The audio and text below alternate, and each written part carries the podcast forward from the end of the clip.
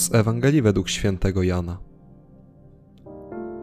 Obok krzyża Jezusa stały matka Jego i siostra matki Jego, Maria, żona Kleofasa, i Maria Magdalena.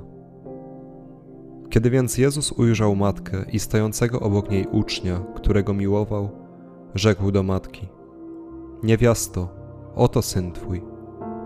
Następnie rzekł do ucznia: Oto matka twoja.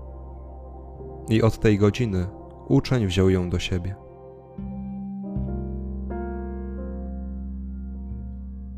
Marna to była wymiana. Zamiast Jezusa, Syna Bożego, owocu jej łona, słabi ludzie tworzącego się Kościoła. Ukochany i jedyny Syn, któremu Maryja oddała się cała, przed zabraniem przez śmierć, wypowiada ostatnią wolę z krzyża. Chcę, byś była ich matką. Przeszyta mieczem boleści, staje się ogromnym skarbem dla Jana, jak i dla wszystkich wierzących w Chrystusa. Ta, która okazała się nową Ewą, doskonale wypełniając wolę Boga w swoim życiu, zostaje przekazana nam jako matka. Ta, która doskonale zjednoczyła się z Chrystusem, dzieląc z nim trudy ludzkiej egzystencji, aż po współodczuwanie Jego męki, chce teraz towarzyszyć nam. Trudno uświadomić sobie, jakim bogactwem jest dla nas Najświętsza Maryja.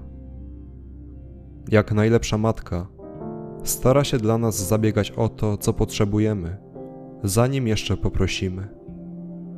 Chce z nami przeżywać wszystkie trudności, problemy, ale i radości i sukcesy a co najważniejsze, pragnie, abyśmy tak jak ona w pełni oddali się Chrystusowi. Mimo, że wydaje się patrzeć na nas z odległych obrazów, tylko czeka na to, aż pozwolimy jej przynieść Chrystusa do naszego serca. Chce być bardzo blisko każdego z nas.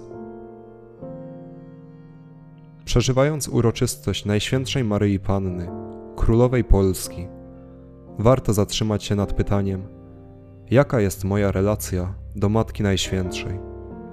Czy jest ważna dla mojego życia? Czy jest moją królową i matką?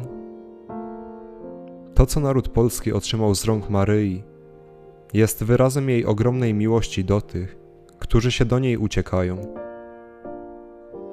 Czy więc wsparci tym doświadczeniem, odważymy się zawierzyć jej całych siebie?